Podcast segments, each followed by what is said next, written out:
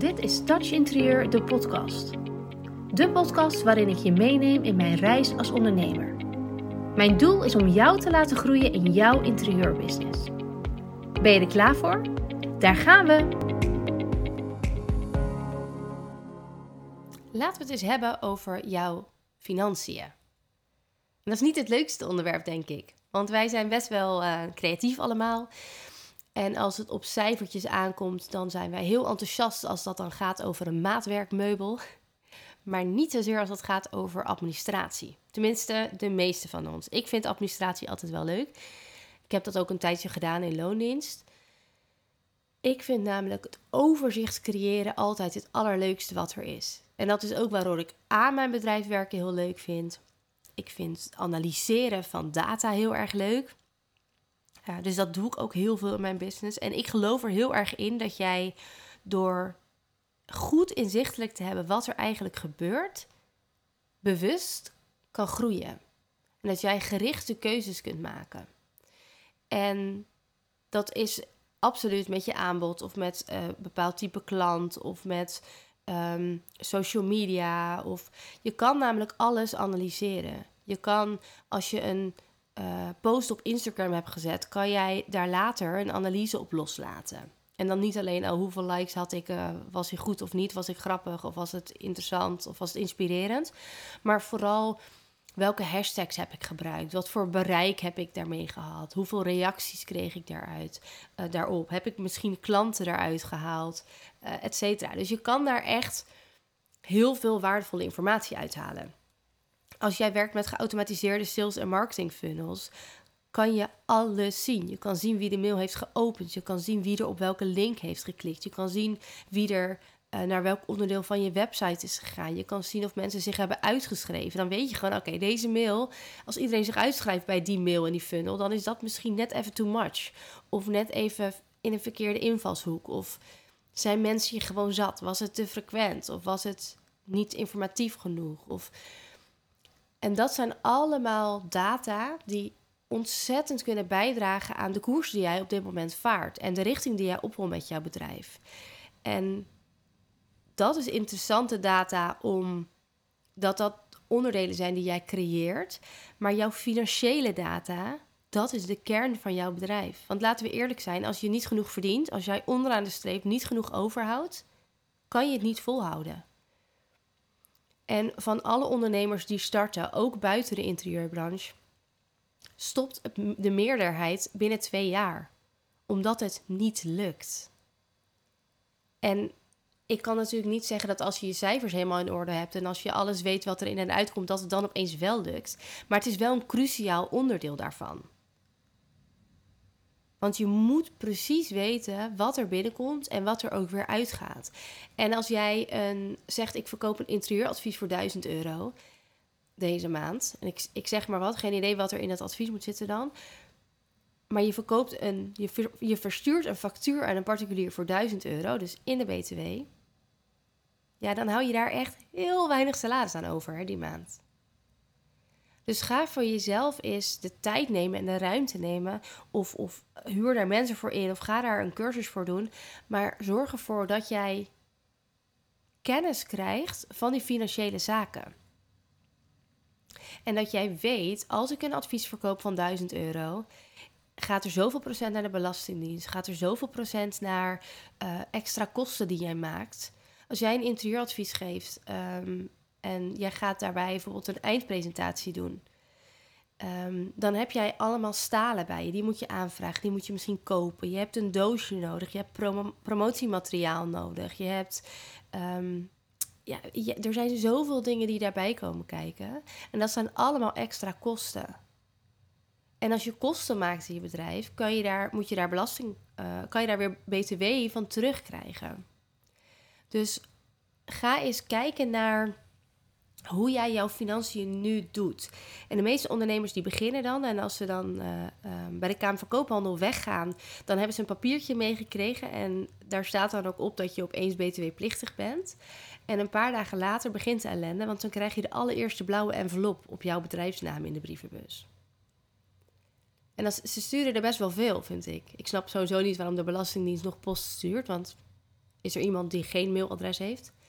Ik heb dat ook een keer gevraagd. Kan niet. Ze kunnen je niet mailen. Ze gaan je altijd per post sturen. Ook met accept giro's en zo. Dat is toch uit het stenen tijdperk. Ik weet niet wie er ooit nog een accept giro kaart gebruikt. Maar je krijgt een brief van de Belastingdienst met je BTW-nummer. Ja, en vanaf dat moment ben je dus de sjaak, want je bent gewoon verplicht om BTW-aangifte te doen. En je kan ervoor kiezen om in de core-regeling te stappen. En dan hoef je geen BTW te rekenen, wat een voordeel kan zijn, want daardoor ben je dus, als we het één op één doorberekenen, 21% goedkoper dan misschien wel je collega slash concurrent. En hoef je ook geen BTW, krijg je dus ook geen BTW terug. Dus dat is de andere kant weer. Dan moet je ook onder volgens mij 20.000 euro blijven. Uh, maar laat je daar even goed over informeren. En als jij wel gewoon um, start en jij denkt: Oké, Jill, ik, ik, mag een factuur sturen. En je stuurt die factuur van 1000 euro. Hou er wel even rekening mee dat je dan niet 1000 euro overhoudt. Dus ga voor jezelf eens na wat voor kosten je dan nog verder hebt. En wat je opzij mag zetten voor de Belastingdienst. En misschien als je al best wel wat omzet hebt, wil je weer eens gaan denken aan het opbouwen van een pensioen. Of heb jij ehm, bepaalde verzekeringen waar je premies aan moet betalen? En er zijn zo ontzettend veel programma's, systemen, manieren, mensen uh, die je kan inhuren. Er zijn zoveel dingen waar je geld aan kwijt kan raken. Hè? Je, kan, je kan het best wel makkelijk slijten. dat verdienen is dan weer iets lastiger misschien. Maar je moet dat wel inzichtelijk hebben. En als je, dat heb je nodig als je een prijs gaat bouwen. Dus als jij zegt, oké, dit advies is 1000 euro waard, hoop ik wel dat je dat hebt opgebouwd met een, dat je dat hebt onderbouwd, dat je dat met een goede rekensom dat tot dat bedrag bent gekomen. En dat je dus ook echt even rekening houdt met al die bijkomende kosten. En dat je er dus ook rekening mee houdt dat dat niet je salaris is. Want dat is wel echt iets wat de meeste ondernemers denken.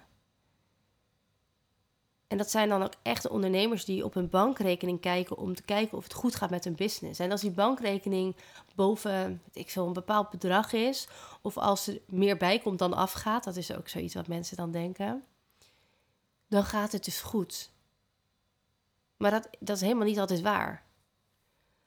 Want ondernemers hebben, naast dat ze kosten hebben, zeg maar de facturen die binnenkomen. Dus als jij heel bewust nu stalen gaat bestellen voor klant X en het kost je 10 euro, dat jij ook um, weet dat je die 10 euro meeneemt in je pakket. Maar je hebt ook gewoon je jaarlijkse kosten. Je hebt je kosten um, voor je domeinnaam van je website.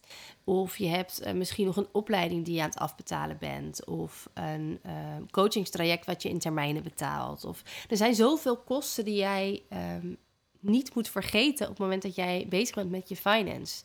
En dat jij goed rekening houdt met wat, wat je eigenlijk aan het eind van het kwartaal aan de Belastingdienst moet, maken, moet overmaken. Want dat is wel iets waar veel ondernemers zich in vergissen. Als je dan denkt, ik heb een lekkere maand gehad en je denkt, oh die rekening is echt lekker gespekt, dan komt die aanslag van de Belastingdienst.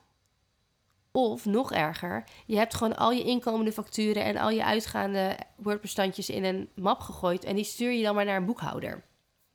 En die stuurt jou dan een mailtje terug. Ja, je moet even dit bedrag overmaken naar de Belastingdienst.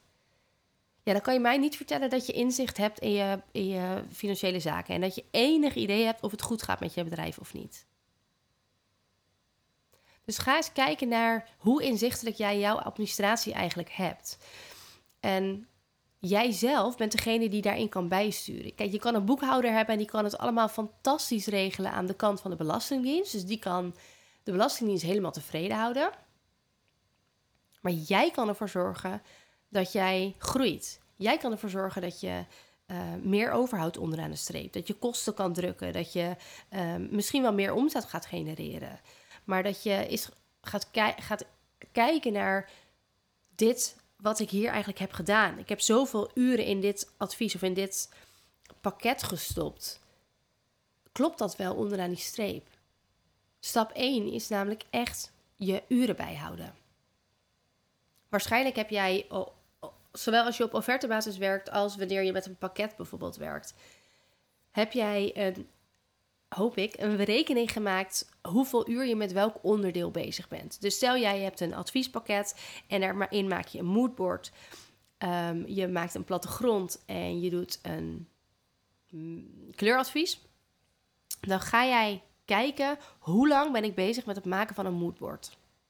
Oké, nou, anderhalf uur misschien. Ligt eraan hoeveel klanten je al hebt gehad. Misschien heb je al een goede basis. Dan ga je kijken naar het kleuradvies. Hoe lang ben je bezig met het zoeken van de juiste kleuren bij elkaar? En zo ga je eigenlijk dat hele advies opbouwen. En die uren zet je dan tegenover jouw uurtarief. Dus hoeveel um, wil jij per uur verdienen? Hoeveel vind jij jezelf waard? En dat is altijd een lastige vraag. En ik krijg ook heel veel klanten die aan mij vragen: ja, maar wat, wat ben ik dan waard? Ik wil niet de duurste zijn, maar ik wil ook niet de goedkoopste zijn. En ik vind dat ook moeilijk om waarde, mezelf op waarde te schatten. En dat is ook moeilijk. Maar het allerbelangrijkste is dat jij je goed voelt bij de prijs die jij durft te vragen. Je echt goed voelt. En dan niet denkt: oké, ik ga op 30 euro zitten of 35 euro, want um, ik ben pas net begonnen. Of uh, ja, ik ga niet zo hoog hoor, want uh, dan komen er geen klanten. Of ik zet een beetje laag in, want ik heb nog nooit zo'n groot project gedaan. Dus ik moet eventjes kijken of ik dat eigenlijk wel kan. Dat is allemaal bullshit. Dat is allemaal. Heb jij jezelf wijsgemaakt dat jij nog niet goed genoeg bent om op een bepaald niveau te komen? Maar geloof mij, als jij een uurtarief hebt van 30 of 35 euro, ga jij nooit een euro verdienen in jouw business. Dat kan namelijk niet. Dat is onmogelijk. En daarnaast, als jij hoog zit in prijs. Dus stel, hè, je hebt een, een pakket X en jij vraagt daar, een goede prijs zou zijn 1000 euro en jij vraagt daar 2000 euro voor. Wat er gebeurt is dat klanten denken, nou, dat is wel heel erg aan de prijs. Hè? Misschien uh, ga ik wel even bij een ander kijken. Andersom, als het 1000 euro waard is en jij vraagt maar 500, denken mensen, nou, ik weet niet, maar het zal wel niet veel zijn dan. Ik zal er wel niet veel voor krijgen. En het bepalen van je prijs is zo ontzettend belangrijk. Als jij je prijs zelf niet kunt dragen, als jij aan de ene kant denkt: Oh, ik, ben, ik heb zoveel geld gevraagd. Ja, ze gingen daar gewoon mee akkoord. Dus ik dacht: Nou, hè, misschien heb ik nog te weinig gevraagd. Maar ja, het is al zoveel. En dan ga je compenseren. Dan was misschien de afspraak dat je, met, uh, dat je in jouw advies drie banken mee zou nemen als voorstel. En dan doe je er misschien wel vier of vijf. Of dan zou je met twee plattegronden komen en dan kom je misschien wel met drie of vier indelingen. Allemaal om te compenseren, omdat jij het eigenlijk. Eigenlijk heb jij het gevoel, de overtuiging dat die mensen te veel betalen voor jou. En dan ga je dus compenseren. Andersom werkt dat hetzelfde. Als jij zegt, nou, ik doe een soort van flitsadvies, het kost je 60 euro. Ik ga een uur met je sparren. Dan denk je misschien, ja, Doei, ik ga dat echt niet voor ze uitwerken hoor, wat ze allemaal vragen. Want uh, ze hebben maar 60 euro betaald. Of je gaat het een beetje afraffelen. Of, of nog erger, je hebt zoveel klanten die denken... oh, chill, lekker goedkoop, ga ik bij haar doen. Dat je denkt, oh, ik heb er zoveel, ik neem er nog een extra aan. Nou, dan, dan ga je alles helemaal afraffelen. En, en daar is allemaal, jouw naam staat daarop. Hè? Dat is gewoon jouw merk. Dus die balans in wat jij kan dragen, wat aansluit bij jouw ideale klant en daar de combinatie in vinden met wat jouw product waard is, dat is een super lastig onderdeel. En het allerlastigste is dat, is dat je dat eigenlijk op dag 1 wil doen. Maar heel eerlijk, dan heb je geen idee. Je hebt geen idee hoeveel uur je bezig bent met een moodboard. Je hebt geen idee hoeveel uur het kost om de juiste kleuren en materialen bij elkaar te verzamelen. Of hoe, hoe vaak klanten een mailtje willen sturen. Of hoe vaak jij bezig bent met het sturen van e-mails of het maken van deelfacturen of noem maar op. Er komen zoveel dingen bij kijken. Reistijd ook, dat wordt ook heel vaak vergeten. Het zijn allemaal uren die jij door moet belasten. Want als je dat niet doet, snij je jezelf in de vingers. Als jij heel eerlijk alle uren, en dan bedoel ik echt elke minuut dat jij een klant terugzit app bijvoorbeeld, zou bijhouden. En keer jouw uurtarief tegenover het de prijs zou zetten die zij betalen voor dat advies, hou je daar dan geld aan over? En zo ja, hoeveel? En ga dan eens kijken naar al die extra kosten. even dat verzenddoosje, even die visitekaartje, even die leuke map waar je het in doet. Oh, wacht, ik geef ook altijd een leuke kaars cadeau. Of ik geef een bosje bloemen. Ja. Mag allemaal, hè. Ik stuur ook heel veel cadeautjes. Vind ik leuk. Als je bij mij in een traject komt, krijg je een cadeautje. Als je bij mij uit het traject gaat, krijg je ook een cadeautje. Dan weet je dat maar vast. maar heel eerlijk, betaal je natuurlijk allemaal zelf. Dat zit natuurlijk allemaal in die prijs die jij betaalt voor zo'n traject. Want uiteindelijk, ik wil natuurlijk mijn winst maken op dat traject. Ik moet ook mijn boodschappen betalen. En daarbij, als je helemaal inzichtelijk hebt wat je aan het doen bent, kan je ook anticiperen. Als jij weet dat jij elke, uh, elk jaar in januari een factuur krijgt van, zeg, weet ik veel, 100 euro voor je domeinnaam of je website hosting moet je dat wel even weten. Moet je wel weten dat, je, dat die factuur eraan zit te komen. En dan kan je wel denken in december, nou, ik had, ik niet zoveel omzet deze maand, maar is niet zo erg hoor, want het uh, komt in januari wel goed. Ja, maar op 1 januari moet je al even die factuur betalen. En als je gaat kijken naar de interieurbranche, en dat is in heel veel branches, maar zeker ook in de interieurbranche, dat je daar een soort flow hebt in wanneer het druk is en wanneer niet. Ik heb dat al in een eerdere podcast ook verteld. In de zomerperiode gebeurt er niet zoveel. Er zijn dan weinig aanvragen. Klanten, uh, potentiële klanten, die leven buiten. Iedereen is lekker op vakantie, zit in de tuin. Het is bouwvak, dus de bouwvakkers zelf werken niet. Er zijn bijna geen schilders te krijgen. En die er zijn, die willen eigenlijk alleen maar buiten schilderwerk doen in de zomer. Dus er gebeurt niet zoveel in de zomerperiode dat is eigenlijk heel lekker. Hè? Dat mag je echt zien als iets positiefs. Want je kan niet altijd op, je, op top van je kunnen. Je kan niet altijd alle adviezen aannemen en blijven rennen. En het is zo goed en zo lekker om even die balans weer te zoeken en daar een beetje rust in te hebben en meer je focus te hebben op je gezin misschien wel, maar ook lekker zelf vakantie nemen. Dat is ook top dat het in de zomer is. Maar ook om een stukje aan je bedrijf te kunnen werken om te kijken naar je financiën. Om te kijken naar wat is er goed gegaan? Wat, wat kan ik nog beter doen? Klopt mijn aanbod nog? Spreek ik nog de goede klant aan?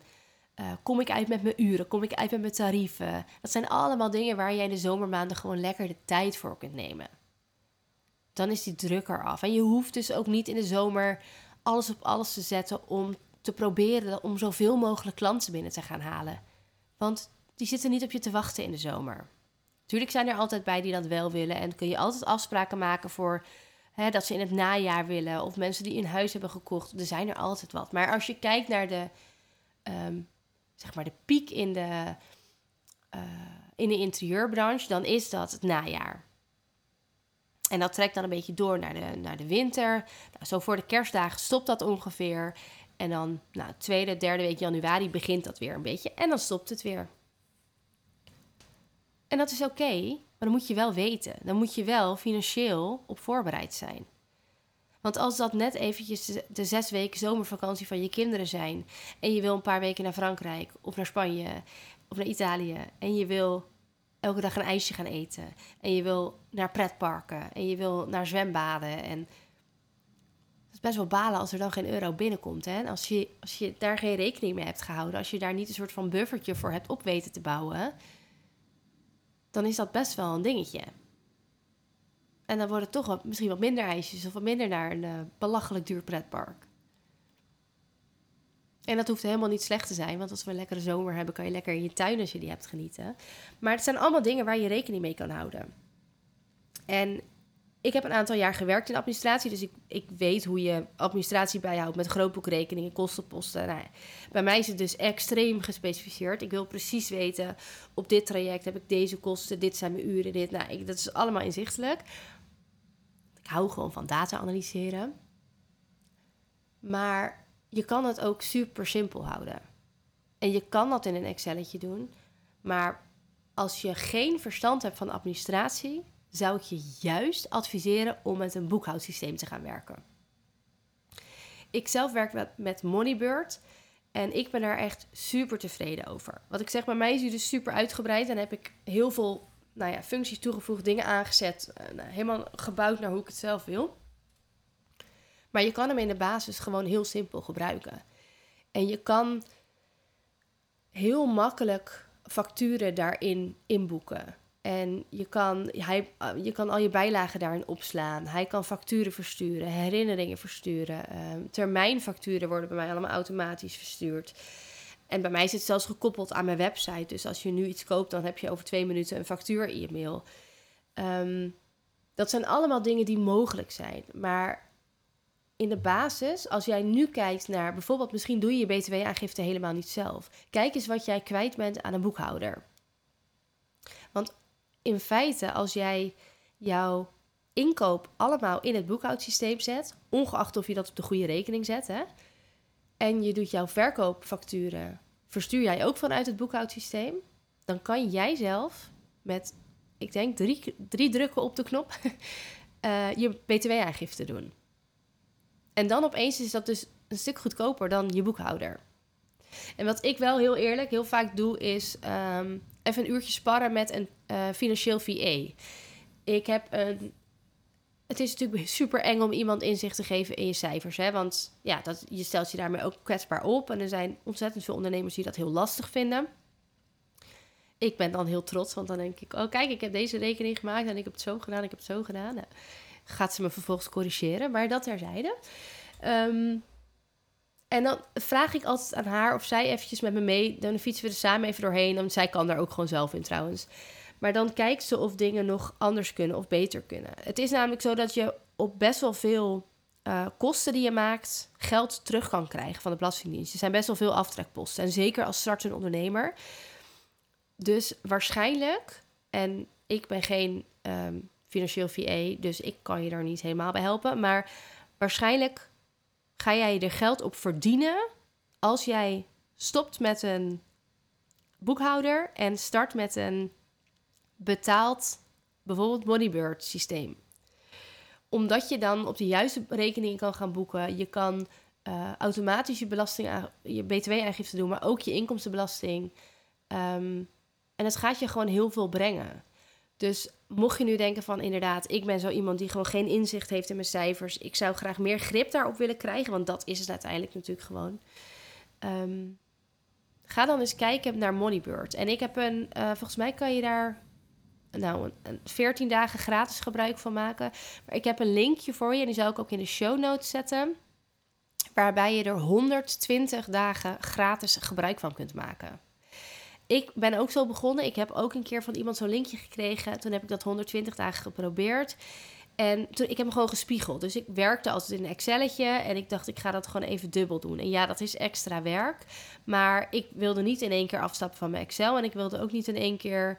Um, nou ja, gewoon maar gokken of dat wel wel goed zou komen. Dus ik heb het gewoon een tijdje dubbel gedaan. En uiteindelijk gewoon die Excel uh, gestopt en uh, verder gegaan in Moneybird. Maar ik heb dus wel daarbij even hulp gehad van Kirsten. Dus mocht je daar um, mee aan de slag willen, um, check even in de show notes het linkje naar Moneybird. Dan kun je het dus 120 dagen gratis proberen. Mocht je dan zeggen, ik wil het echt goed gaan inrichten, ik wil die basis goed hebben.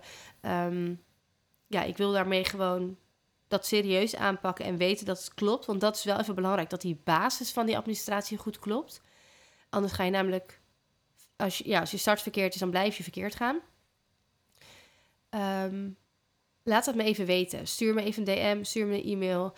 Um, maar laat even weten, uh, want ik kan je altijd de gegevens van Kirsten uh, doorsturen. Of ga zelf op zoek naar een VA.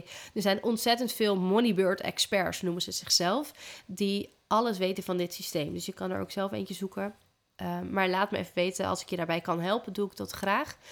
Um, heb je geen zin in Moneybird, ook helemaal prima. Maar zorg er dan wel voor dat je een super duidelijk Excel hebt. Of dat je, van mijn part een schrift, maar zorg dat je super inhoudelijk hebt wat er gebeurt in jouw financiële, um, ja, financiële onderdeel, onder je financiële afdeling.